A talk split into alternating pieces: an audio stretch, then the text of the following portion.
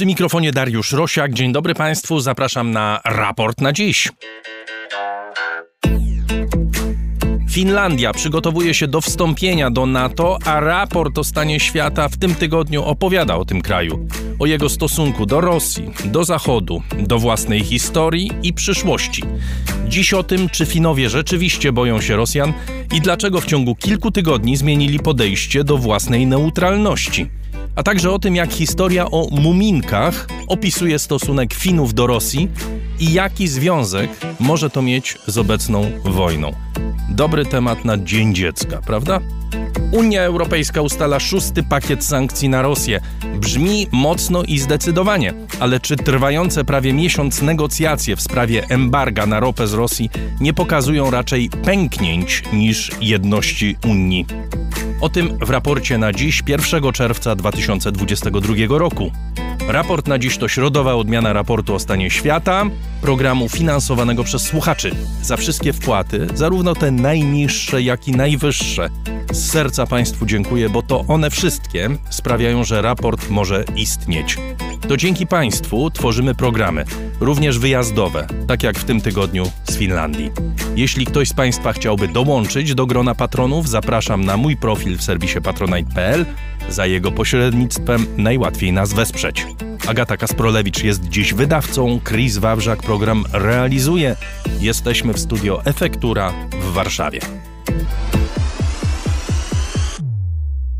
My jesteśmy w Warszawie, ale Adrian Bąk jest z nami w Helsinkach. Witam cię serdecznie. Chyba huomenta. Dzień dobry Państwu. E, Darku, ale muszę Cię jednak poprawić, wiesz, bo powinieneś powiedzieć e, chyba ilta pajwa, e, czyli dzień dobry po południu, bo, bo rozmawiamy po południu i nie chcę tutaj się mądrzyć, ale to są po prostu jedyne dwa zwroty, które dotychczas zapamiętałem po fińsku. To są podstawowe rzeczy. Przyjmuję krytykę, powinienem się nauczyć. Adrianie, to jest niezwykłe doświadczenie kraju, tak mi się wydaje, który przechodzi tak zasadniczą zmianę i to w tak błyskawicznym tempie. 3-4 miesiące temu Finowie w ogóle nie myśleli o NATO. Dziś zdecydowana większość mieszkańców popiera wstąpienie do sojuszu. Opowiesz o tym dziś i w sobotę e, w programach. Ale na początek chciałem Cię spytać, jaki jest stosunek Finów do tego, czym dzisiaj czy wczoraj dokładnie żyła polityczna Europa, czyli do sankcji na Rosję. Czy Finowie są przede wszystkim, czy Finowie są e, w jakikolwiek sposób zależni e, od energii z Rosji? No właściwie są i nie są, choć lepsze byłoby chyba powiedzenie, że nie są i są, bo jeśli patrzeć na cały kraj, to można powiedzieć, że dla Finlandii odejście od rosyjskiej ropy czy gazu to nie jest, czy nie będzie duży ból głowy. E, państwa Europy Północnej już od jakiegoś czasu odchodzą od paliw kopalnych, w tym właśnie od ropy naftowej i taką samą drogą e, zresztą podąża Finlandia. E, Finlandia była jeszcze kilka lat temu jednym z największych importerów rosyjskiej ropy Urals, co ciekawe.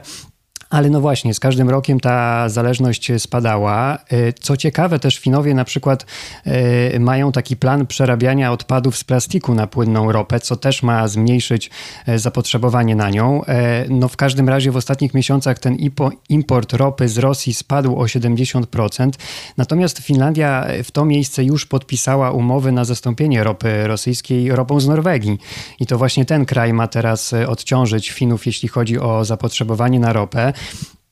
No a jeśli chodzi o gaz, to co prawda importowała e, Finlandia do tej pory większość gazu właśnie z Rosji, ale to wykorzystanie tego gazu dla celów energetycznych w kraju to był zaledwie ułamek całego zapotrzebowania energii. To znaczy e, mało które fińskie domy e, po prostu po potrzebują czy potrzebowały do tej pory gazu, to było jakieś około 5% e, i to głównie właśnie nie te prywatne domy, a raczej e, fabryki, raczej przemysł, co też nie znaczy, że Finlandia w ogóle nie odczuje tego, że Rosja odcięła gaz, bo właśnie na przykład na wschodzie kraju, w Karelii, część przemysłu czy fabryk korzystała z rosyjskiego gazu. Zresztą powiemy o tym także i w piątek, bo wówczas na wschód Finlandii się wybierzemy. Natomiast te firmy też starają się w tej chwili zastępować rosyjski gaz e, ciekłym gazem ziemnym, ziemnym LNG, który Finlandia ma z kolei, z kolei zamiar sprowadzać w, większe, w jeszcze większych ilościach ze Stanów Zjednoczonych. Zresztą w ostatnim właśnie czasie podpisała taką umowę z jedną z amerykańskich firm na wypożyczenie pływającego terminala LNG, który ma właśnie zapewnić ciągłość dostaw gazu. Tak więc z jednej strony Norwegia, z drugiej strony Stany Zjednoczone, Finowie, o czym się zresztą Państwo przekonają, jak to Finowie pragmatyczni po prostu mimo tej trudnej sytuacji jakoś sobie radzą. To tyle na początek. Do Adriana e, w Helsinkach wrócimy za chwilę, a teraz przenosimy się do Brukseli. Unia Europejska uzgodniła szósty pakiet sankcji wobec Rosji. Zakazem importu zostanie objęte około 3 czwarte rosyjskiej ropy, czyli ta część, która trafia na zachód drogą morską. Pozostaje możliwość kupowania ropy płynącej rurociągami. Przyjęty przez Unię pakiet sankcji wobec Rosji obejmuje także odłączenie od systemu SWIFT największego rosyjskiego banku detalicznego Spierbanku. Cały pakiet sankcji to wynik kompromisu wymuszonego przede wszystkim przez Węgry. Ukraińcy chwalą Unię, przynajmniej oficjalnie.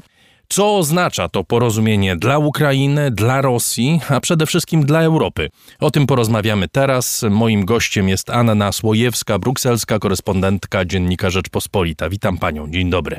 Dzień dobry. Najpierw może omówmy szczegóły. Dwie trzecie dostaw ropy ma zostać za sześć miesięcy objęte embargiem. Jeszcze Polska i Niemcy zobowiązały się nie kupować rosyjskiej ropy płynącej rurociągami. To razem 90% za 6 miesięcy. To wygląda na sporo, prawda?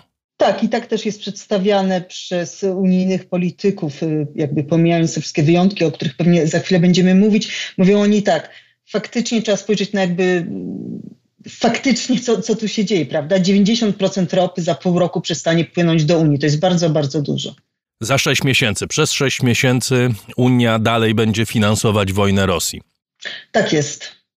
I tu się zaczynają schody, tu się zaczynają wątpliwości, bo też pojawiają się oceny, że Rosja straci bardzo dużo, straci około 10 miliardów dolarów rocznie, kiedy zacznie obowiązywać ten pakiet, ale 6 miesięcy to jest bardzo długo. Te rozmowy pokazały, że mówienie o spójnej, jednolitej linii Unii Europejskiej wobec Rosji i wobec tej wojny to jest chyba przesada. Zgodzi się pani?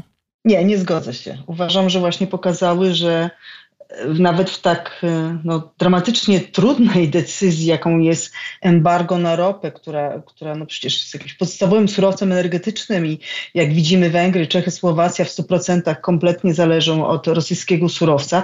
Jednak mimo tutaj kilku tygodni dyskusji, negocjacji i tak dalej, udało się dojść do porozumienia, więc wydaje mi się, że to jest wręcz niesłychane, że to takiego, e, takie porozumienie osiągnięto przy wszystkich, jak mówię, przy wszystkich tam wyjątkach, okresach przejściowych i tak dalej jednak widać wyraźnie, że to, co zrobił Orban, mimo że niektórzy podejrzewali, ja zresztą muszę powiedzieć, że też nie miałam jasności, czy Orban tak naprawdę chce tylko po prostu dobrych warunków dla swojej gospodarki, chce może jakichś dodatkowych pieniędzy na inwestycje energetyczne, czy tak naprawdę to jest zasłona dymna, za którą skrywa się po prostu jego chęć pomocy Putinowi, jego chęć podważenia unijnej jedności. No koniec końców on się jednak dał przekupić, co um, uważam, że jest dobrym sygnałem. A ile zapłaciła mu Unia?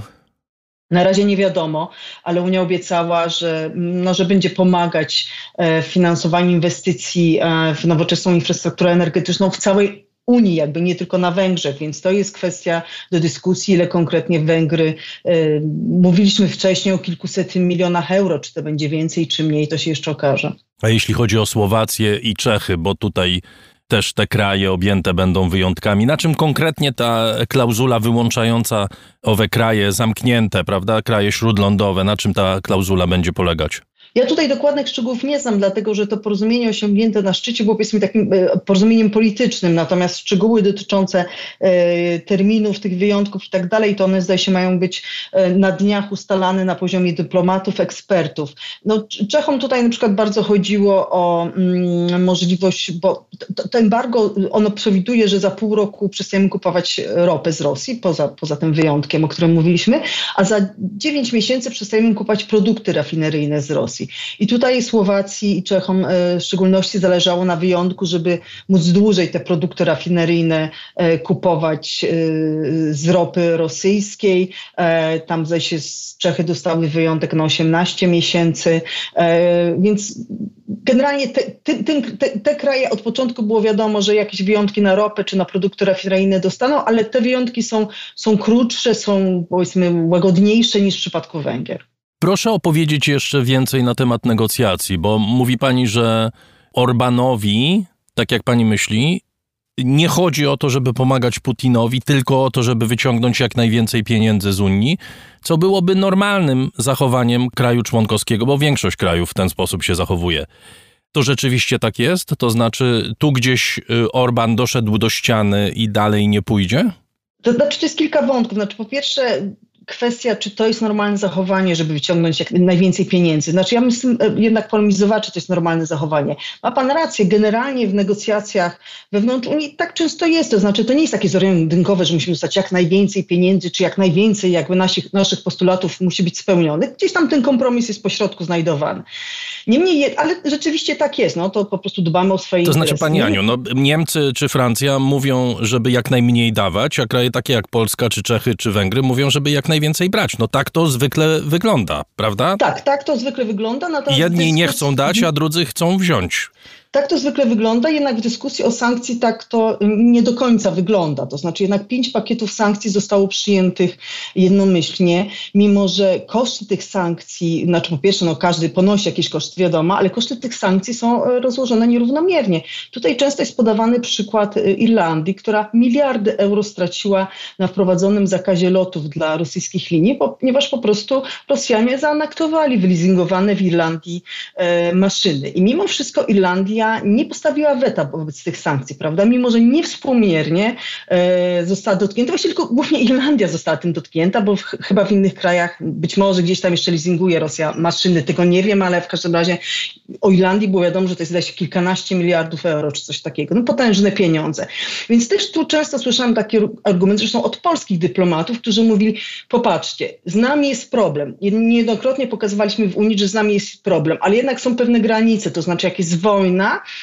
To możemy rozmawiać oczywiście o interesach, ale no nie należy wykorzystywać tej sytuacji do takiego maksymalizowania swoich żądań. Więc tutaj jednak było takie pełne, pewne przekonanie, że Orban przesadza w tym sensie, że on, e, że on po prostu cały czas podwyższał tę stawkę, prawda? Było przekonanie, jest dalej przekonanie, że koszty na przykład transformacji energetycznej, którą on podaje, albo są zawyżone, albo też on żąda zbyt wiele, bo przecież za transformację energetyczną częściowo płaci się z budżetu UE i to dotyczy nie tylko tutaj teraz jakby kompensowania kosztów sankcji, ale w ogóle przechodzenia na zielone źródła i tak dalej, ale częściowo jednak budżet każdego kraju y, musi na to wyłożyć pieniądze własnych podatników. No nie może być tak, że Unia, w tym Polacy sfinansują y, co do, co do euro, czy to, to, co do centa wręcz całą transformację energetyczną Węgier, prawda? Więc tutaj było przekonanie, że, że, że Orban przesadza. Yy, inaczej były traktowane te oczekiwania Słowacji Czech, bo oni, one, oni jednak byli tacy bardziej racjonalni, tam zgadzali się na jakieś krótsze okresy przejściowe i tak dalej. Więc to jest jedna rzecz. Druga rzecz jest taka, czy, czy on rzeczywiście właśnie, czy to były wyłącznie takie ekonomiczno-techniczne oczekiwania, czy, czy, on chciał, czy on chciał pomóc y, Putinowi. No, skoro jednak zgodził się na to embargo, to, to zakładam, że bardziej te ekonomiczne względy większą grały rolę. Ale też tu nie mamy pewności, bo być może on po prostu zasygnalizował, że słuchajcie, dalej już nie pójdziecie. Narobimy wam tyle problemów z ropą, że o gazie nawet nie będziemy dyskutować. I, i rzeczywiście, no nie wydaje mi się, żeby w kolejnym pakiecie sankcji, który z pewnością będzie, będzie siódmy pakiet sankcji, no nie wydaje mi się, żeby ktokolwiek zaproponował gaz. Więc Gdzieś tutaj jednak jest może próba zachowania takich y, dobrych relacji z Rosją, które być może, być może jeszcze kiedyś się Orbanowi przydadzą. E, wspomniała Pani o gazie. Rzeczywiście narzuca się jakby kwestia e, dalszych sankcji i kwestia gazu, e, która by dla Rosji była zabójcza, realnie rzecz biorąc, o ile ropa jest już bardzo dotkliwa i jeżeli rzeczywiście za sześć miesięcy to embargo wejdzie w życie, to widzimy z tych wyliczeń podawanych przez niektóre agencje, że to będzie dotkliwe dla Rosji. Gaz jest na razie zdjęty ze stołu, jak rozumiem, prawda? No z gazem y, jakby problem jest taki, że o ile jeśli chodzi o ropę, to znacznie łatwiej znaleźć alternatywnych dostawców, ponieważ znaczna część tej ropy jest jednak tankowcami przywożona no i, i, i, są porty w Europie, do których te tankowce z łatwością mogą zawijać, no to jednak gaz w większości jest y, transportowany, pompowany do Unii y, rurociągami. Y, jego jego przetransportowanie z innych kierunków wymagałoby rozbudowy portów LNG, a takich porty podobno buduje się no rok, to żeby było jakaś absolutnie, byłoby jakieś absolutnie ekspresowe tempo, które wymagałoby nadzwyczajnych regulacji. Niemcy takie regulacje chcą wprowadzić, ale i tak to, to dopiero za rok te porty LNG będą mieli, a nie teraz. Więc rzeczywiście, jeśli chodzi o gaz, to w szczególności w sytuacji, kiedy mamy do czynienia z absolutnie rekordowymi cenami energii, no to tutaj wielu polityków e, państw Unii mówi nie, nie możemy sobie na coś takiego pozwolić. Jest jeszcze jedna kwestia, którą już w tej chwili niektórzy komentatorzy podnoszą, mianowicie pytanie, jak Unia zamierza karać za łamanie sankcji, bo już w tej chwili wiemy, że Rosjanie znajdują sposoby na omijanie sankcji. Ropa jest odbierana na morzu przez inne jednostki, tutaj podobno Grecy brylują i transportowana y, na statkach, y, które są nierozpoznawalne. Jest ta ropa mieszana z surowcami z innych y, krajów. Czy komisja będzie miała jakiekolwiek możliwości rzeczywiście karania za łamanie sankcji? Znaczy z sankcjami jest tak, ze wszystkimi sankcjami, nie tylko z tymi, że są, e, że to państwa członkowskie, jak zresztą z każdym jakby prawem unijnym, to państwa członkowskie są odpowiedzialne za wykonywanie tych unijnych sankcji, prawda? Czyli no to obowiązkiem Grecji, czy Polski, czy, czy każdego innego kraju jest sprawdzenie, czy jego firmy, jego obywatele, czy na jego terenie te sankcje są wykonywane, czy nie. Oczywiście rozumiem, że jak pojawią się jakieś, jakieś doniesienia e, mniej czy bardziej publiczne, to komisja wtedy może zaapelować do kraju członkowskiego i powiedzieć, słuchajcie, co tam się dzieje z tymi statkami, czy, czy z tą ropą w rafinerii, no ale nie ma ani, ani jakby technicznych instrumentów, ani prawnych, nie ma ludzi, których mogłaby wysłać, nie wiem, celników, y, policjantów, no nie ma, to wszystko mają państwa członkowskie, więc, ale faktycznie oczywiście to jest problem i zresztą teraz często się pojawia argument ze strony niektórych, słuchajcie, zamiast tak ciągle jakieś szybko nowe sankcje. Tych sankcji jest już tyle, może skupmy się na tym, żeby te, które są, żeby po prostu przypilnować, żeby one były skutecznie stosowane. Proszę powiedzieć, jak w Brukseli oceniany jest. Y, no tutaj już nie, nie odnoszę się do samej Unii Europejskiej, ale po prostu do odrębnej polityki, czasami sprzecznej polityki y, krajów y, członkowskich, krajów unijnych wobec wojny.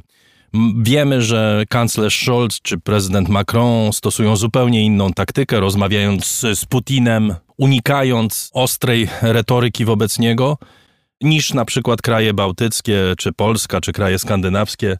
O Wielkiej Brytanii nie wspominając, nie jest członkiem Unii, ale jest bardzo blisko e, z tymi krajami związana. Jak to jest w Brukseli oceniane? Czy to jest traktowane jako zapowiedź takiego mocnego podziału, którego nie da się uniknąć w najbliższych miesiącach? Znaczy nie wydaje mi się, dlatego że y, te, mm, to jakby różna, um, różne podejście do sankcji, czy różne podejście do dostaw broni, czy różne podejście do, do rozmawiania lub nie rozmawiania z Putinem, ono jest właściwie obecne od wybuchu wojny. Wręcz można powiedzieć, że nawet takie Niemcy, które tam żadnej broni nie chciały przesłać, jednak coś tam zaczynają przesyłać, które nie było mowy o żadnych sankcjach, to jednak na ropę się zgodzili. Więc nawet można powiedzieć, że w pewnym pozytywnym kierunku ta e, ewolucja następuje i, i do tej pory jednak we wszystkich państwach przeważało takie przekonanie, że kluczowa jest jedność. Nie wiem, nawet Polska i państwa bałtyckie, które chciałyby z tymi sankcjami iść dużo dalej, to one nie będą um, publicznie um, obrażać innych państw, które, które z tymi sankcjami nie chcą iść e, zbyt szybko, bo wiedzą, że dla Putina e, ważniejsze, czy, czy jakby kluczowe jest to, żeby Unia się podzieliła, prawda? Więc e, może lepiej nawet czasem mieć słabsze sankcje, ale mieć je wspólnie, a nie tak, że, że, że, że będzie prowadzona różna polityka przez różne e, państwa. Jeśli chodzi o samą Brukselę rozumianą jako instytucje unijne, czyli, czyli e, na przykład przewodniczącą komisji Ursula von der Leyen, przewodniczącego Rady Europejskiej Charlesa Michela, to ja muszę powiedzieć, że oni w tej całej debacie mm, o Ukrainie i Rosji, oni sytuują się bliżej Polski państw bałtyckich. Nie wiem, z czego to do końca wynika. Na pewno jakieś znaczenie ma to, że oni byli na Ukrainie. W przeciwieństwie do Scholza i Macrona, oni widzieli, co się stało w Buczy. I zdaje się, że jak każdy normalny, wrażliwy człowiek byli tym niesłychanie jakby przejęci i przybici, więc oni żadnych złudzeń co do, mimo że są to przedstawiciele państw tej Europy Zachodniej, von der Leyen jest Niemką, prawda, więc powiedzmy z kraju, który przez lata przecież jej partia e, no, taką prowadziła koncyliacyjną politykę wobec Putina. Nie, te, teraz to się, to się jakby w jej wykonaniu, w wykonaniu Michela, oni są twardzi.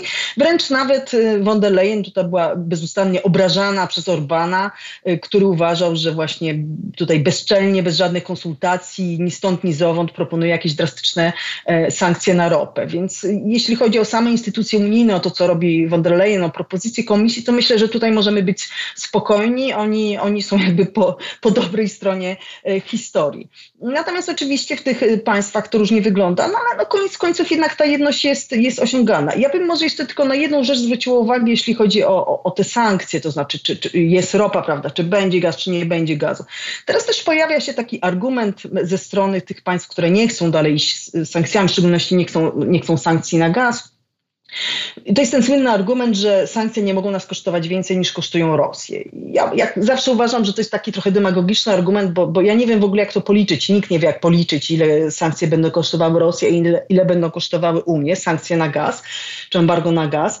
E, niemniej jednak słychać taki argument, że po prostu jest tak, że jak się wojna skończy, a miejmy nadzieję, że skończy się niedługo, e, Ukraina będzie potrzebowała gigantycznych pieniędzy na odbudowę. Miesiąc temu, ja pamiętam takie szacunki robiłam, to już wtedy była mowa o, o 500 miliardach euro, a to może będzie nawet więcej. To będzie więcej niż y, słynny plan Marszala powojenny liczony w dzisiejszych, w dzisiejszych pieniądzach.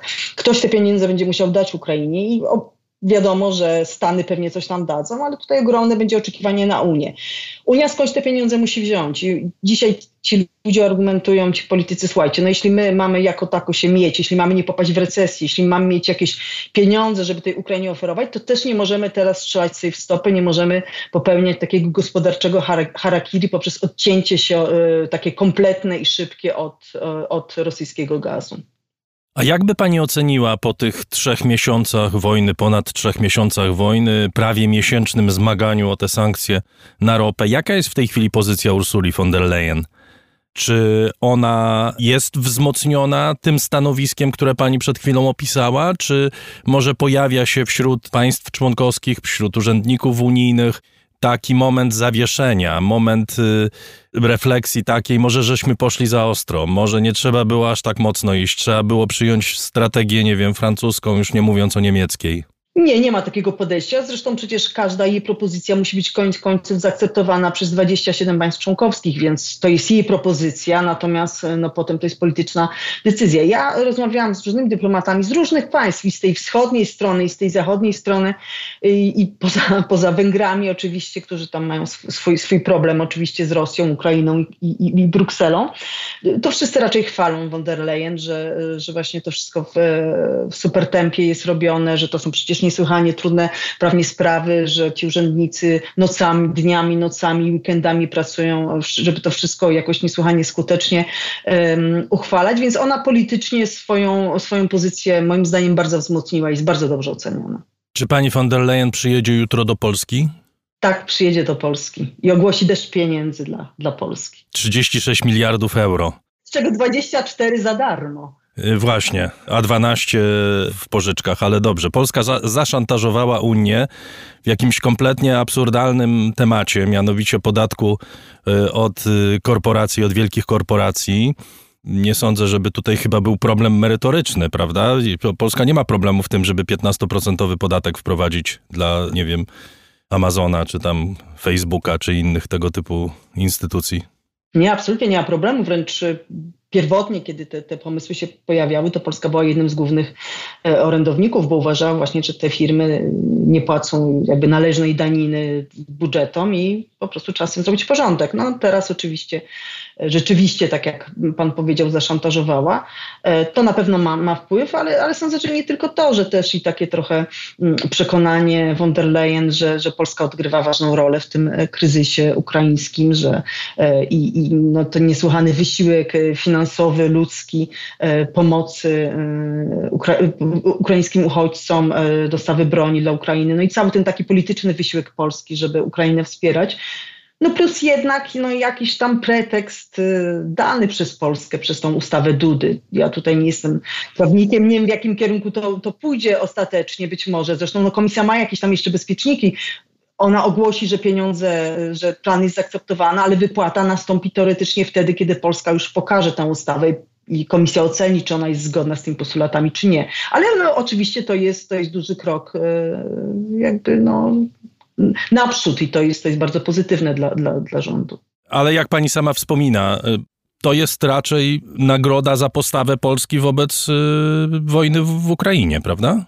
Tak, wydaje mi się, że to jest główna motywacja. Plus, jak mówię, no ileś jeszcze innych, no gdyby tylko to, a nie byłoby próby zmiany tego stroju dyscyplinarnego, tego, tego, tej Izby Dyscyplinarnej, no to nie byłoby mowy, prawda? No jednak ona potrzebowała coś, żeby wyjść z tego z twarzą, bo, bo też tu proszę pamiętać, że też ta decyzja jej, to jest jakby pozytywna rekomendacja komisji, ale ona musi być też zaakceptowana przez państwa członkowskie, więc jeśli to by było takie kompletnie mówiąc kolokwialnie od czapy, no to 17 czerwca jest posiedzenie, jest Rada Unijna Ministrów Finansów, która musi to większością głosów zaakceptować, no to sądzę, że też byłby problem, gdyby to było takie kompletnie niepoważne. Więc no, też te państwa oczekują, że ona przedstawi jakieś argumenty, które pokażą, że jednak coś w sprawie tej Izby Dyscyplinarnej się dzieje, że to idzie w dobrym kierunku. A czy to, co się dzieje wobec Polski, zmienia w jakikolwiek sposób sytuację Węgier na przykład? Wobec których tak samo prowadzone są dochodzenia i tak samo są zarzuty o łamanie praworządności. No Węgry są coraz bardziej izolowane, już nawet Polska sojusznikiem Węgier nie jest. To znaczy Polska oczywiście nie krytykuje Węgier i nie, nie, nie dołącza się do chóru tych, którzy mówią, że na Węgrzech łamana jest praworządność, bo bo, bo wiedzą Polacy, że, że u nas też jest łamana praworządność, więc no nie może tak po prostu dołączyć do, do tych, którzy, którzy by chcieli ukarania Węgier. E, ale też już z tego, co słyszę na spotkaniach dyplomatów, e, kiedyś było tak, że Węgier zaczynał każde wystąpienie od tego, że Polska ma rację, a Polak od tego, że Węgier ma rację.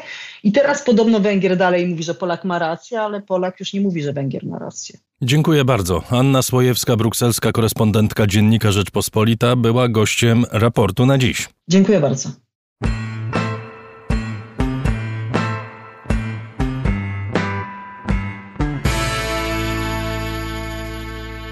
Wracamy do Helsinek, gdzie jest z nami Adrian Bąk. Adrianie, jak Finowie komentują te tarcia w Unii? Czy oni w ogóle są rozczarowani y, postawą takich krajów jak Niemcy czy Francja? Czy y, na nich to tak samo wpływa jak na przykład na Polskę czy na kraje bałtyckie?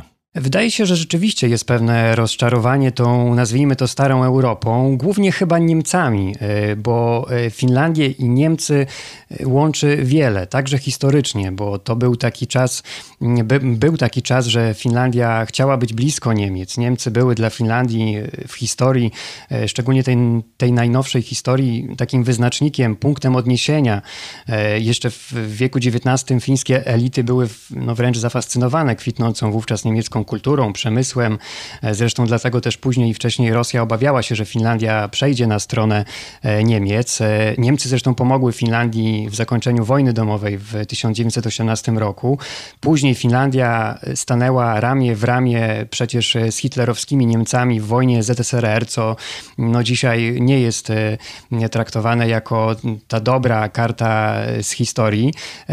I też jak mówią Finowie, ze względów pragmatycznych to się wówczas stało, żeby odzyskać utracone wcześniej tereny, ale i do dziś e, Finowie mają wiele powiązań e, z Niemcami, także gospodarczych. E, już nie mówiąc o tym, że jednym z największych sponsorów reprezentacji w hokeju na lodzie jest niemiecki Lidl i ta reklama Lidla paraduje na koszulkach właśnie hokeistów. Dlatego też to rozczarowanie Niemcami jest. Mówią o tym Finowie, mówią o tym politycy, mówią też o tym zwykli ludzie. Natomiast jest też dyskusja w Finlandii, że w tym momencie rodzi się pewien nowy ład, czyli że to już nie tyle Niemcy właśnie i nie tyle Francja e, będą decydować, przynajmniej w tej perspektywie krótkoterminowej, e, o tym, co dzieje się w Europie, ale właśnie na przykład Polska, Wielka Brytania e, i o tych krajach też mówi się często, że te kraje zyskują na znaczeniu, natomiast tak, z pewnością pewne rozczarowanie, tak zresztą jak to jest w Polsce, tą starą Europą można zaobserwować. No dobrze, to przejdźmy teraz do istoty rzeczy, to znaczy do Rosji.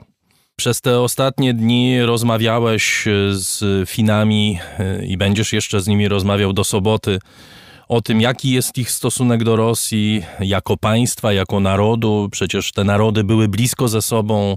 Z jednej strony Rosja dominowała nad Finami, no ale to są różnego rodzaju również na poziomie czysto e, prywatnym, czysto indywidualnym czy osobistym związki między ludźmi. Te kraje są złączone wiekami historii.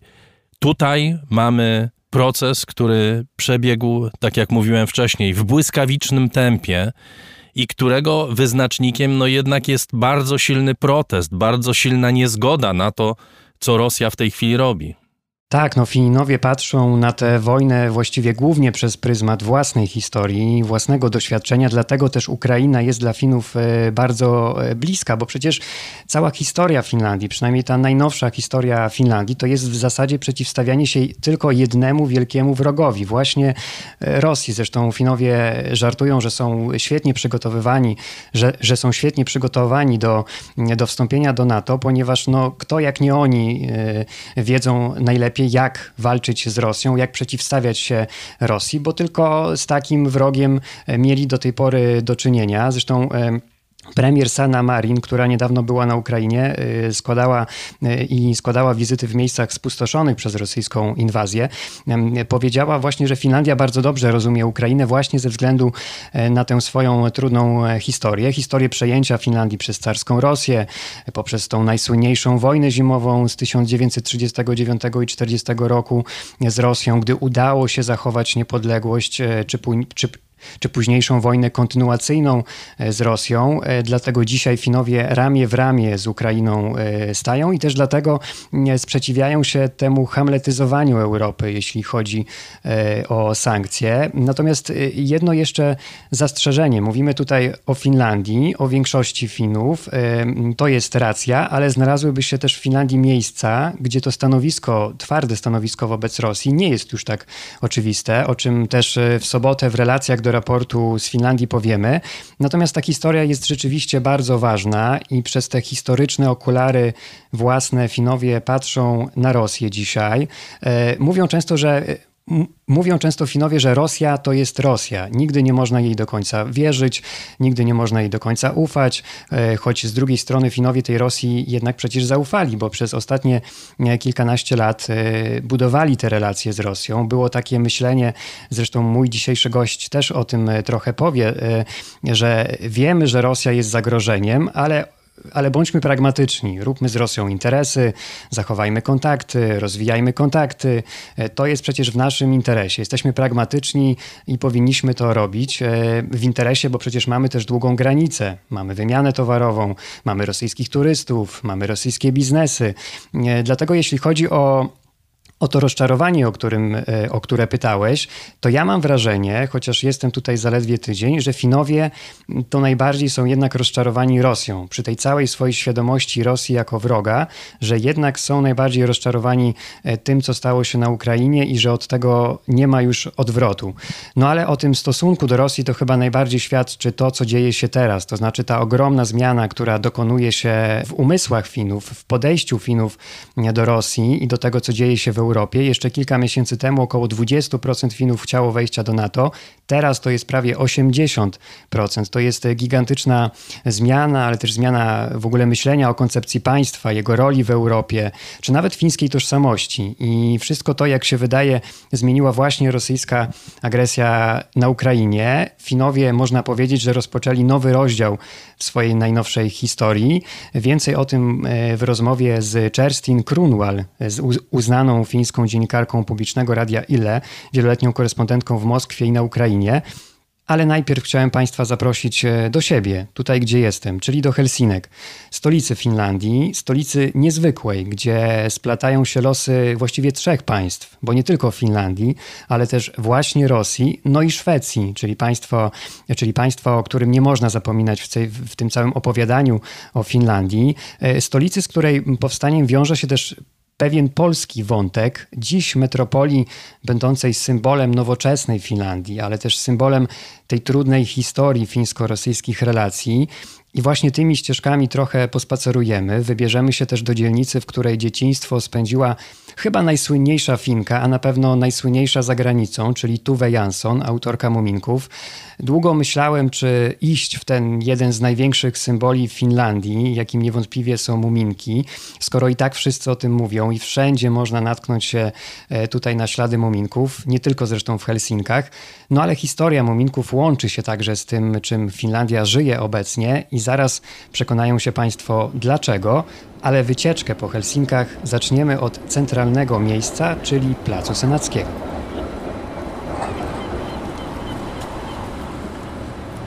Plac Senacki, czyli centrum Helsinek, po fińsku Senatintori. Nad placem góruje wielka biała katedra, katedra świętego Mikołaja, dziś luterański kościół. Widać jeszcze pozostałości po wczorajszej imprezie, bo Finlandia wygrała w finale Mistrzostw Świata w hokeju na lodzie z Kanadą w dramatycznych okolicznościach i sięgnęła po złoty medal. Przez ostatnie dni padało tutaj, dziś wreszcie wyszło słońce. Wszyscy tutaj czekali na to słońce, bo aura w Finlandii zwykle no nie należy do tych e, najprostszych, a o trudnych warunkach życia napisano już wiele rozpraw i książek. Pogoda to jest jedna rzecz, która hartuje Finów i sprawia, że są odporni na wiele przeciwieństw losu, ale jest coś, co hartuje ich od dawna jeszcze bardziej. Większy sąsiad ze wschodu. I widać to też na placu senackim. W samym centrum placu stoi pomnik cara Aleksandra II, Jestem tutaj z Emilem Antonem, pół Finem, pół Irakijczykiem, który ma także wiele wspólnego z Polską, doktorem teologii na Uniwersytecie w Helsinkach. Jak to się stało, że car Aleksander no, jest właściwie symbolem centrum miasta? To bardzo ciekawa historia. Czasy Aleksandra I i Aleksandra II były dla Finlandii bardzo dobre, ponieważ e, dostaliśmy po raz pierwszy w historii autonomię.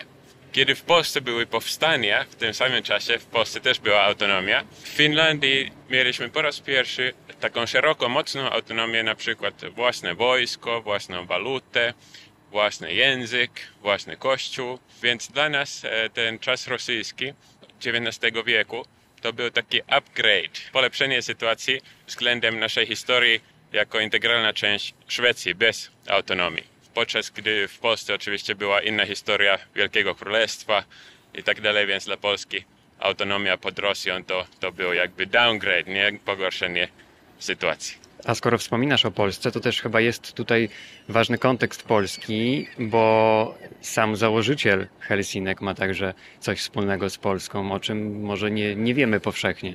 Helsinki zostały założone przez Gustawa Wazę. Gustaw Waza to był pierwszy król z dynastii Wazów, dziadek Zygmunta Wazy. Gustaw Waza założył Helsinki w 1550 roku jako szwedzkie miasto. E, później podzielił królestwo między swoimi synami. Jan Waza dostał Finlandię i ożenił się z polską księżniczką Katarzyną Jagiellonką, którzy później zostali też królami, królem i królową Szwecji. A później Zygmunt, ich syn, został królem i Szwecji, i Polski i w tym Finlandii, bo Finlandia była częścią Szwecji, czyli mieliśmy wspólnego króla Zygmunta. Mamy tutaj jeszcze właściwie przed nami, niedaleko pomnika e, cara Aleksandra II, jeszcze przynajmniej jedno symboliczne miejsce z nazwy ulica Unioninkatu. Tutaj właściwie zaczyna się historia, a przynajmniej ta najnowsza historia, nie tylko Finlandii, ale także właśnie relacji fińsko-rosyjskich. Tak, to był pomysł właśnie cara Aleksandra I, który po raz pierwszy dał Finlandii autonomię w 1809 roku. I on chciał nazwać tę ulicę tak Unioninkatu, czyli ulica Unina, żeby właśnie podkreślić Unię Finlandii z Rosją.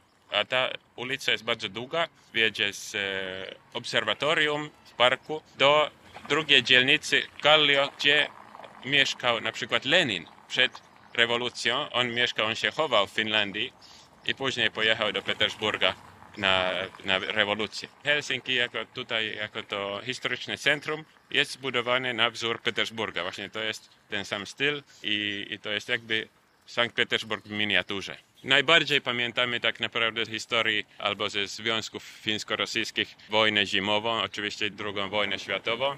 I tutaj mamy ślady bombardowań Helsinek. Tutaj jest e, statua Snellmana. Snellman to jest taki narodowy filozof, ojciec tak naprawdę do tożsamości fińskiej z XIX wieku. Wtedy stworzono tak naprawdę tożsamość narodową i Snellman jest jednym z e, twórców. I tutaj mamy ślady bombardowań z II wojny światowej. A jaka była wówczas ta tożsamość? Bo mi się wydaje, że właściwie Finowie dzisiaj też e, trochę e, szukają tej tożsamości. Mówi się, że to kraj nordycki, północny, może skandynawski, może nadbałtycki. Jaka była wówczas koncepcja tej tożsamości? Bazowało się przede wszystkim wtedy na, na języku, że mamy oddzielny język, bardzo się różni od szwedzkiego i od rosyjskiego. Po pierwsze to język, to wtedy jeszcze fiński nie był oficjalny, ale, ale później został uznany jako oficjalny język. Po drugie przyroda, oczywiście ten piękny kraj, jeziora, lasy i tak dalej. Runeberg, nasz poeta narodowy, to on pisał dużo o przyrodzie, na przykład w hymnie fińskim narodowym. Po trzecie Kalevala, to jest nasz epos narodowy. Lönnrot, jej autor, e, autor Kalevali, e, zbierał takie bardzo stare tradycje, szczególnie na wschodzie, e, w Karelii, wschodnia część Finlandii i opublikował Kalewale, którą przetłumaczono już na ponad 60 języków. Jak Finowie, jak wy dzisiaj podchodzicie do tego, że na Placu Senackim stoi pomnik cara Aleksandra II, szczególnie po wojnie na Ukrainie i po tym, co, co robi Rosja? Czy, czy to tutaj wywołuje kontrowersje? Nie, nie, bo to jest symbol dla nas właśnie autonomii, tego, że Rosjanie uszanowali naszą autonomię. Aleksander II przynajmniej, więc to można zinterpretować jako właśnie coś proukraińskiego i tutaj właśnie są e, demonstracje, e, tutaj są różne takie proukraińskie właśnie demonstracje tutaj na, na, tym, na tym placu. Czyli demonstracje proukraińskie przy pomniku jednak cara Aleksandra II rosyjskiego. No tak. Finlandia też była częścią tego samego imperium zresztą, jak e, duża część Ukrainy. Jesteśmy blisko i oczywiście doświadczenie II wojny światowej przypomina nam o tym, że przeżyliśmy coś takiego jak Ukraina w tej chwili, coś bardzo podobnego. Atak Rosji i, i Finowie wbrew pozorom się obronili. Mój dziadek też walczył, wszyscy pamiętamy bo to, to było niedawno, nie? Że, że Finlandia jakoś cudem obroniła swoją niepodległość. Chociaż straciliśmy 10% naszej ziemi, straciliśmy większość Karelii, Wiborg, nasze, nasze drugie miasto. I dużo ludzi musiało się przenieść stamtąd do Helsinek i wtedy Helsinki oczywiście uzyskały na, na ludności.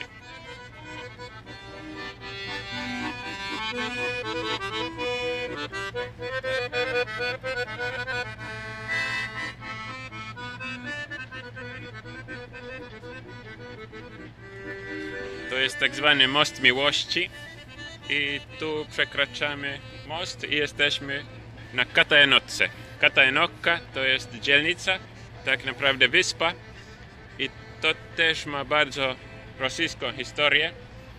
To była taka dzielnica właśnie dla wojska rosyjskiego i tu zbudowano też katedrę prawosławną, szczególnie dla rosyjskich żołnierzy i ich rodzin. Obecnie jest to katedra kościoła prawosławnego fińskiego, już nie rosyjskiego.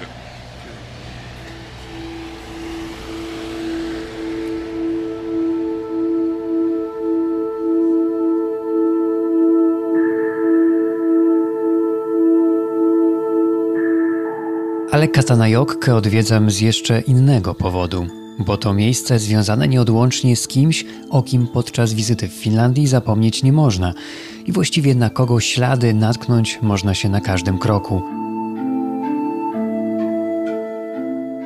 Katajanokka to także miejsce, gdzie swoje dzieciństwo spędziła Tuve Jansson, autorka Muminków.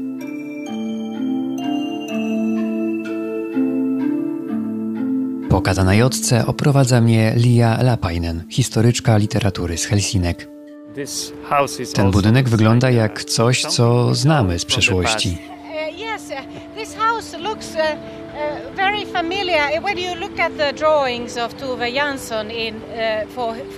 Jeśli spojrzysz na rysunki Tuve Jansson w książkach o muminkach, to one bardzo przypominają ten budynek. Małe wieżyczki, drobne okna, okrągłe kształty. Ona widziała ten budynek ze swojego okna z drugiej strony ulicy. Najprawdopodobniej był inspiracją dla Tuwe i dla słynnego domu Muminka. That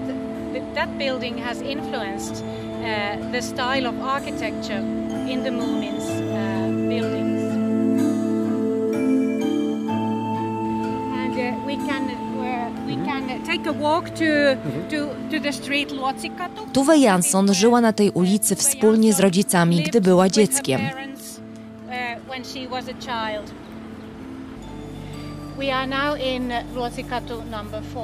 O, tutaj, na Lotsikatu, pod numerem 4. So Tuve Jansson created them uh, during the war. Ona kreowała swój świat także w czasie wojny zimowej między Finlandią a Rosją i motyw strachu, obawy jest częsty w jej książkach, w historii o muminkach.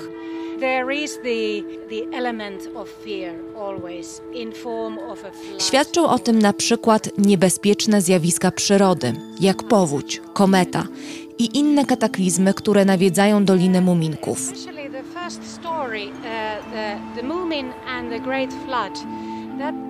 Szczególnie w pierwszej książce Muminki i Duża Powódź. Powódź jest kataklizmem, odbiciem wojny. W Muminkach odbija się też historia rosyjskiego zaboru regionu Karelii i ucieczka Finów z tamtych terenów. To także wpływało na jej książki.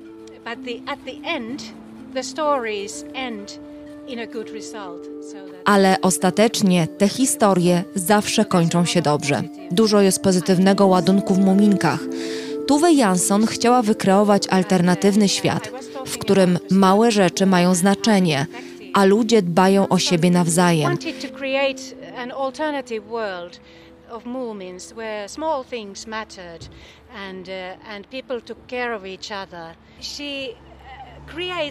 uh, uh, Ona stworzyła też nową koncepcję rodziny, która nie opiera się tylko na członkach rodziny, ale także znajomych, przyjaciołach, którzy zawsze są gotowi pomóc.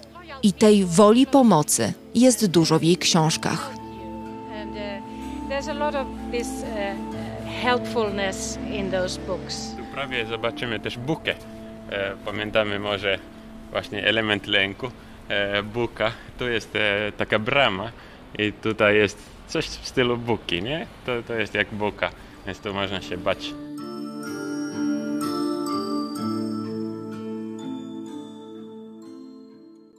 Adrian Bąk i jego goście na ulicach Helsinek, stolicy Finlandii.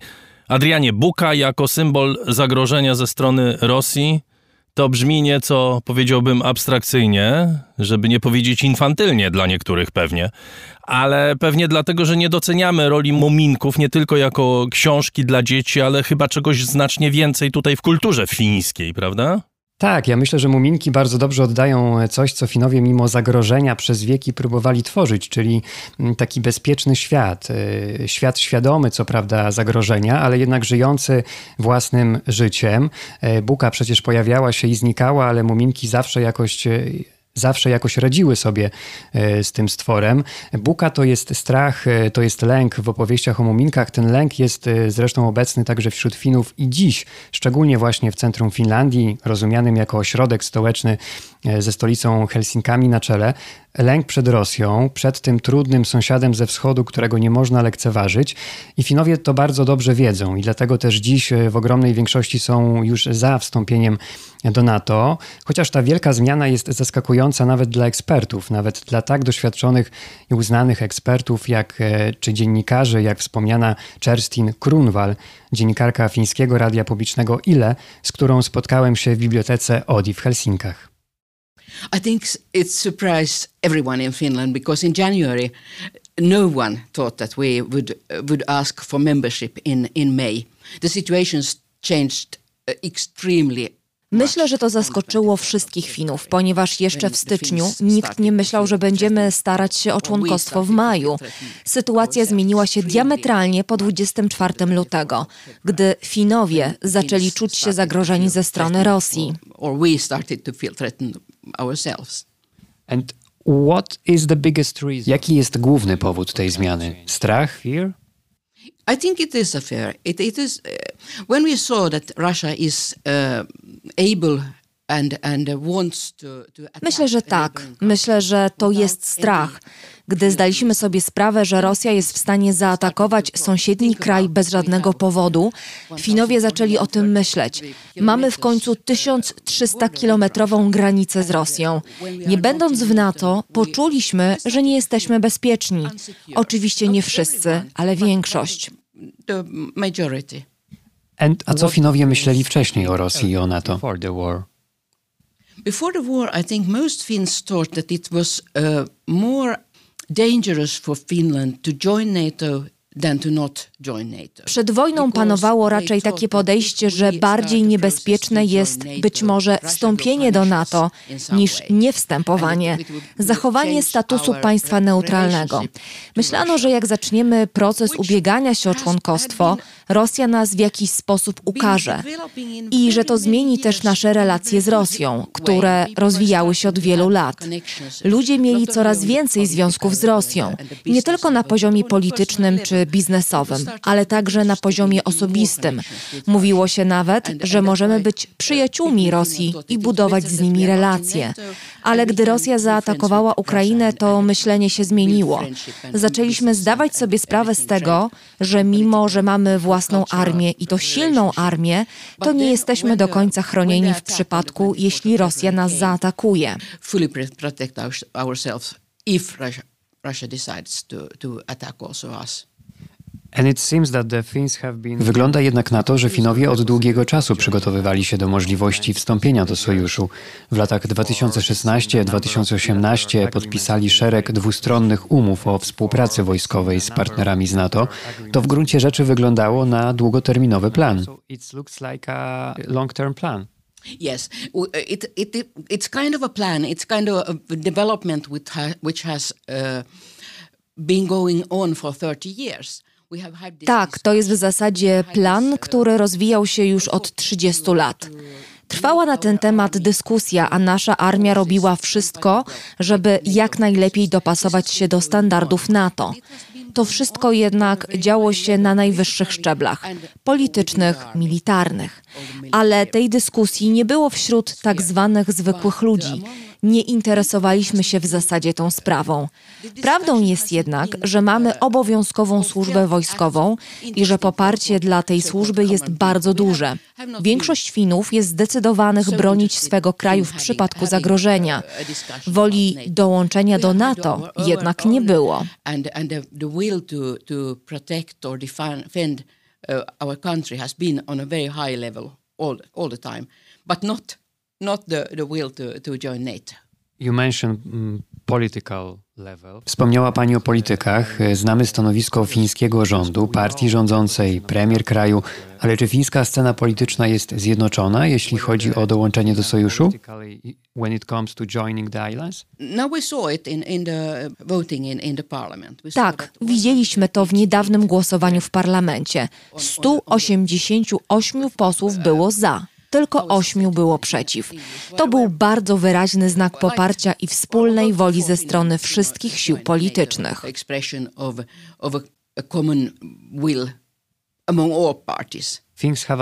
To wszystko wydaje się być znaczące, bo Finowie mają inne podejście do Rosji niż chociażby mają Polacy. Mimo trudnej historii i agresywnej polityki Rosji, Finlandia przez wiele lat także wiele zyskiwała na kontaktach z Rosją, również gospodarczo. Exactly, and Finland ha has a lot of things to, to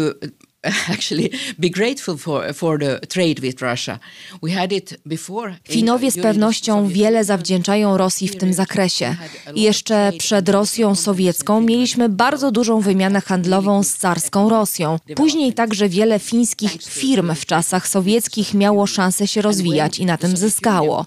A kiedy upadł Związek Radziecki, wiele fińskich biznesów także upadło. To był wówczas duży szok ekonomiczny. Finlandia jednak poradziła sobie z tym i zaczęła także otwierać się na rynki zachodnie. Rosja przestawała mieć już tak duże znaczenie jak wcześniej. Nie można też zapominać o naszych związkach i współpracy w sektorze kulturalnym, edukacyjnym i innych sferach życia. With Russia. And uh, this, is, this has been also criticized. Ta współpraca oczywiście od wielu lat była krytykowana. Są Finowie, którzy wspominają to stare i wyświechtane sformułowanie finlandyzacja i twierdzą, że ta przyjaźń poszła za daleko, że nie powinniśmy z Rosją utrzymywać tak dobrych relacji. Wydaje się, że Finowie nie lubią tego słowa finlandyzacja. Zastanawiam się, jaki jest konkretny powód, dla którego często unikają nawet e, tego słowa, jak ognia, i czy decyzja o dołączeniu do NATO może być traktowana jako oficjalny koniec tej finlandyzacji. It's the official, some kind of official end of this finlandization? Yes, that's a very interesting question because Finlandization in Finland has been been looked at as something like we are the underdog. Finlandyzacja jest traktowana w Finlandii rzeczywiście pejoratywnie, bo stawia nas w roli kogoś słabszego, zależnego od większego. Sprawia wrażenie, że robiliśmy wszystko, co kazali nam Rosjanie. A to od dłuższego czasu nie jest już prawda. Owszem, tak było w latach 60. czy 70. Wówczas Rosja rzeczywiście wpływała na naszą politykę wewnętrzną, wybory prezydenckie. Czyli to była pewna forma lojalności wobec Rosji.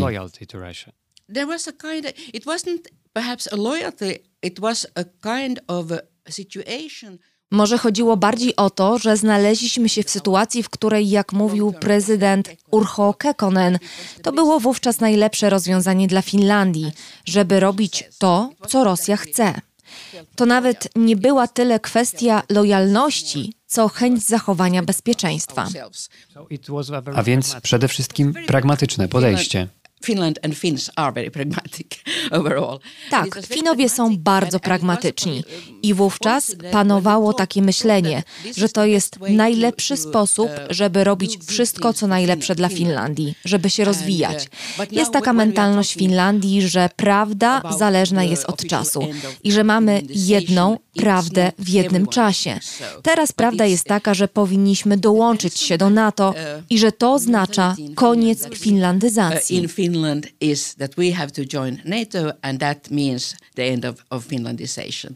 Did you expect, Czy spodziewała się pani rosyjskiego ataku na Ukrainę 24 lutego? Actually I did not. Of course I had seen all the, the signs that everybody has seen. Nie, nie spodziewałam się. Choć oczywiście śledziłam wszystkie informacje, które mogły na to wskazywać. Nie widziałam jednak wówczas i wciąż nie widzę żadnego dobrego wytłumaczenia, dla którego Rosja to zrobiła. Rosja traci na tym ataku na wszystkich poziomach, poczynając od najwyższych do tych najniższych. Można było zakładać, że Rosja będzie chciała zagarnąć cały region Ługański czy Doniecki, ale pełnej inwazji na kraj mało kto się spodziewał. And I expected that they would try to to get hold of, of the whole areas of, of Luhansk and Donetsk. But I didn't expect the, this full-scale attack that we saw and are seeing now. You know, of course, Russia very well. Uh, Zna pani Rosję bardzo dobrze. Jak Rosja postrzega dziś Finlandię? Czy jako kraj partnerski, który właśnie traci, czy bardziej jako wroga, do którego nie czuje żadnego respektu? Enemy without any respect more like an enemy. Uh, uh, Russia has, to, has declared that Finland is now an unfriendly country. Bardziej jako wroga. Rosja wypowiedziała się jasno, że dla niej Finlandia jest krajem nieprzyjaznym. Jesteśmy dla Rosji krajem nieprzyjaznym właściwie od czasu II wojny światowej i nie wiemy, co to znaczy dla Rosji mieć za sąsiada nieprzyjazne państwo. W obecnej sytuacji trudno powiedzieć, co to może oznaczać w bliskiej przyszłości, czy nawet w ciągu najbliższych dni what it exactly that will mean in, in the future or in the coming days. A czy Rosja mogłaby mieć powody, żeby zaatakować Finlandię? I don't see any reason. Nie, nie widzę żadnych powodów, żadnych wytłumaczalnych powodów, bo oczywiście szaleństwo to inna sprawa. Oczekuję natomiast, że Rosja będzie robić wszystko, żeby wzmóc w Finach poczucie zagrożenia i będzie podejmowała próby podziału społeczeństwa. Within Finland, divided. They will try to divide us. Włączając w to możliwość na przykład wywołania kryzysu na granicy fińsko-rosyjskiej?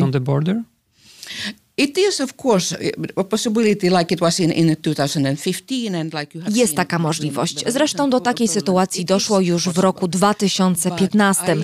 A niedawno, o czym pan dobrze wie, także na granicy polsko-białoruskiej. To rzeczywiście jest możliwe, chociaż bardziej nastawiam się na inne rzeczy, na przykład zwiększenie wpływu na niektórych polityków, którzy już teraz dostają pieniądze i informacje od Rosji, w wyniku czego sieją dezinformacje i tak zwane fake newsy. W Finlandii jest duże poczucie niepewności związanej z bezpieczeństwem a stronger feeling of insecurity. And uh, we don't know what will happen. And that is that alone uh, I to samo w sobie może spowodować, że ludzie jeszcze bardziej się podzielą. Jeśli jedni będą twierdzić, że nie ma się czego obawiać, a inni powiedzą, że wprost przeciwnie, jest się czego bać, to może to wywołać kłótnie. Zagrożeniem wydają się też ataki cybernetyczne, nie można o tym zapominać. Próba destabilizacji sieci energetycznych, internetu, dostaw wody. Tego z pewnością można oczekiwać w pierwszej kolejności, ale nie spodziewam się ataku militarnego na Finlandię.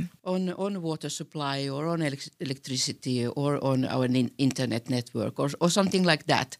Uh, we can see uh, things like that, but I don't expect an uh, military attack. No, I don't. A jak wielu uchodźców z Ukrainy przebywa w Finlandii? Bo wygląda na to, że Finlandia nie jest oczywiście krajem ani pierwszego, ani nawet drugiego wyboru dla nich, ale tutaj także trafiają. Czy Finlandia ma jakieś ułatwienia pobytowe dla Ukraińców? Any residence facilities? Yes, there are. As far as I know, we have about 25,000 Ukrainian refugees now. Tak, z tego co wiem, w Finlandii przebywa około 25 tysięcy ukraińskich uchodźców. Oni są rozsiani po różnych częściach Finlandii, choć większość żyje tutaj w Helsinkach i pobliskim mieście Espoo czyli terenach blisko stolicy. W prywatnych mieszkaniach czy w centrach dla uchodźców? W jednych i w drugich. Mamy też internaty, które udostępniły pokoje dla uchodźców z Ukrainy bardzo różne miejsca, także schroniska, choć schroniska, w których jednak warunki nie odbiegają znacząco od tych w normalnych domach czy centrach dla uchodźców. normal houses or, or, or like some centers for, for refugees. But there are a lot of them. Jest Pani bardzo doświadczoną dziennikarką. Pracowała Pani wiele lat w Rosji, była Pani korespondentką w Rosji. Czy tęskni Pani w jakiś sposób za tą Rosją sprzed wojny i agresji na Ukrainę? Czy czuje Pani pewien zawód? Yes, very much. Very much. I have lived in Russia for more than 10 years and I have worked there for 25 years and I have also lived Tak, i to bardzo. Żyłam w Rosji ponad 10 lat. Pracowałam 25 lat. Żyłam także na Ukrainie. Tęsknię więc za oboma krajami, takimi jakimi były wcześniej. Na szczęście nie utraciłam jeszcze Ukrainy, bo Ukraina jest wciąż krajem, który mogę odwiedzić. Mam tam wielu znajomych. Mam też znajomych w Rosji, ale trudno przewidzieć, kiedy i czy w ogóle będę miała możliwość tam wrócić. Wobec Rosji czuję po prostu głęboki żal. And, and uh, I feel, I personally feel a deep sorrow. Adrian Bąk w rozmowie z Kerstin Krunwal, znaną fińską dziennikarką Radia Ile, korespondentką w Moskwie i na Ukrainie. Adrianie, w sobotę seria Twoich wywiadów, relacji z kraju, który szykuje się do członkostwa w NATO, fundamentalnie zmienia stosunek do samego siebie. Ale ja rozumiem, że to nie jest tylko polityka, prawda? Ta zmiana dotyczy również życia zwykłych ludzi i podejścia no, do całości spraw, bo to y, jest rzeczywiście fundamentalna i taka wszechogarniająca zmiana. Ja myślę, że to przede wszystkim nie jest polityka, bo to jest y, zmiana, która dotyka wszystkich Finów y, na wielu płaszczyznach, każdego Fina na swój sposób. Ona dotyczy myślenia, ona dotyczy często najbliższych kontaktów, ona dotyczy kwestii planowania przyszłości, ona dotyczyć może także zmiany pracy czy utraty pracy, o czym się zresztą Państwo przekonają z reportażu ze wschodu Finlandii, z regionu Kareli, położonego przy granicy z Rosją. Można powiedzieć, że to jest taki wielki test dla tak zwanego fińskiego sisu, e, czyli słowa, którym Finowie określają upór, wytrzymałość, hard ducha, ale właściwie tylko oni wiedzą, co to tak naprawdę e, oznacza. Finowie są przyzwyczajeni do trudnych warunków życia, także do tego oddechu większego sąsiada ze wschodu, ale widać z pewnością, że dzieją się rzeczy nowe i o tym wszystkim postaram się Państwu powiedzieć także i w sobotę. Posłuchamy, co mówi wschód Finlandii o wojnie, co mówi środkowa Finlandia, co mówią młodzi ludzie, jak widzą przyszłość tego kraju dzisiaj, no i gdzie leży dziś e, w ogóle to miejsce Finlandii w Europie, w tym wyjątkowym nie tylko dla tego kraju czasie. Bardzo dziękuję. Adrian Bąk, czekamy na sobotę, a tymczasem e, dobrych łowów reporterskich. Dziękuję. To już prawie wszystko w tym wydaniu raportu na dziś. W sobotę dalszy ciąg opowieści Adriana Bąka o Finlandii z Finlandii i wiele innych ważnych i ciekawych rzeczy. Zapraszam serdecznie na główne wydanie raportu o stanie świata. Wyjazd reportera raportu, jego relacje, podobnie jak wszystko, co powstaje w ramach raportu o stanie świata, to wynik Państwa wsparcia i zaangażowania, za które z serca dziękuję. Bez Was nie byłoby raportu, ale na szczęście jesteście.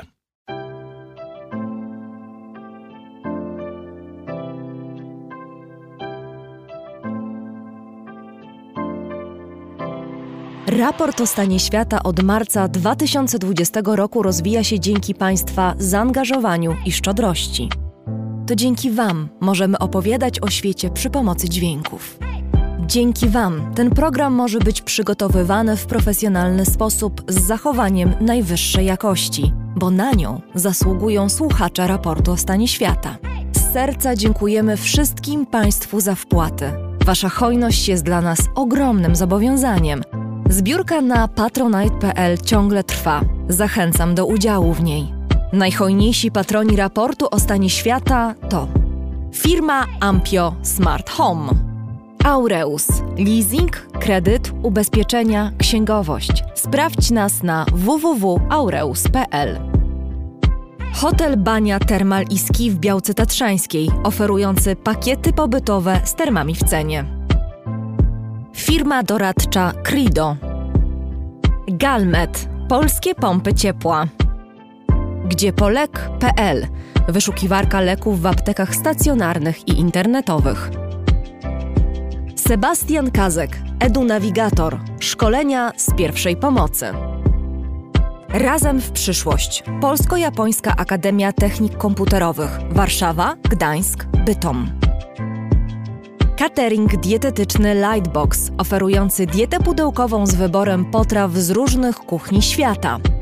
Michał Małkiewicz. Firma Software Mill. Od zawsze zdalni. Programują dla całego świata. Dom wydawniczy Muza. Bo świat nie jest nam obojętny. Uber. Myślimy globalnie, działamy lokalnie. A także BIMV.pl. Kursy online dla inżynierów Liceum Błańskiej Gdańsk-Kowale. Przemyślana edukacja w dobrym miejscu. Piotr Bochnia. CIO Net and Digital Excellence. Łączymy ludzi i idee. Grupa brokerska CRB. Ubezpieczenie należności dla Twojej firmy. Bezpłatne porównanie ofert www.grupacrb.pl Duna Language Services, biuro tłumaczeń do zadań specjalnych www.duna.biz. Mariusz Drużyński, Agata Fischer, Marek Jerzewski, JMP. Z miłości do sportu, z najlepszych tkanin, w sercu Podhala szyjemy dla Was porządną odzież. Palarnia kawy La Cafo z Augustowa. LSB Data. Dedykowane aplikacje internetowe dla biznesu. Masz pomysł? Zrealizujemy go. lsbdata.com Aplikacja Moja Gazetka. Polska proekologiczna aplikacja zakupowa z gazetkami promocyjnymi i nie tylko. Moja Gazetka. Kupuj mądrze. Oil Medica. Kosmetyki pod Twoją marką. Firma Prosper z Sosnowca. Hurtownia elektroenergetyczna i właściciel marki Czystuś. Wydawnictwo SQN. Więcej niż książka. www.wsqn.pl Drukarnia cyfrowa totem.com.pl. Dla nas książka zasługuje na najwyższą jakość. Fundacja Wasowskich, opiekująca się spuścizną Jerzego Wasowskiego i wydawca książek Grzegorza Wasowskiego. Szczegóły na wasowscy.com. Wayman oprogramowanie wspomagające firmy inżynieryjne w zarządzaniu projektami, stworzone przez polskich inżynierów dla sektora projektowego www.wayman Software. Dziękujemy bardzo. To dzięki Państwu mamy raport o stanie świata.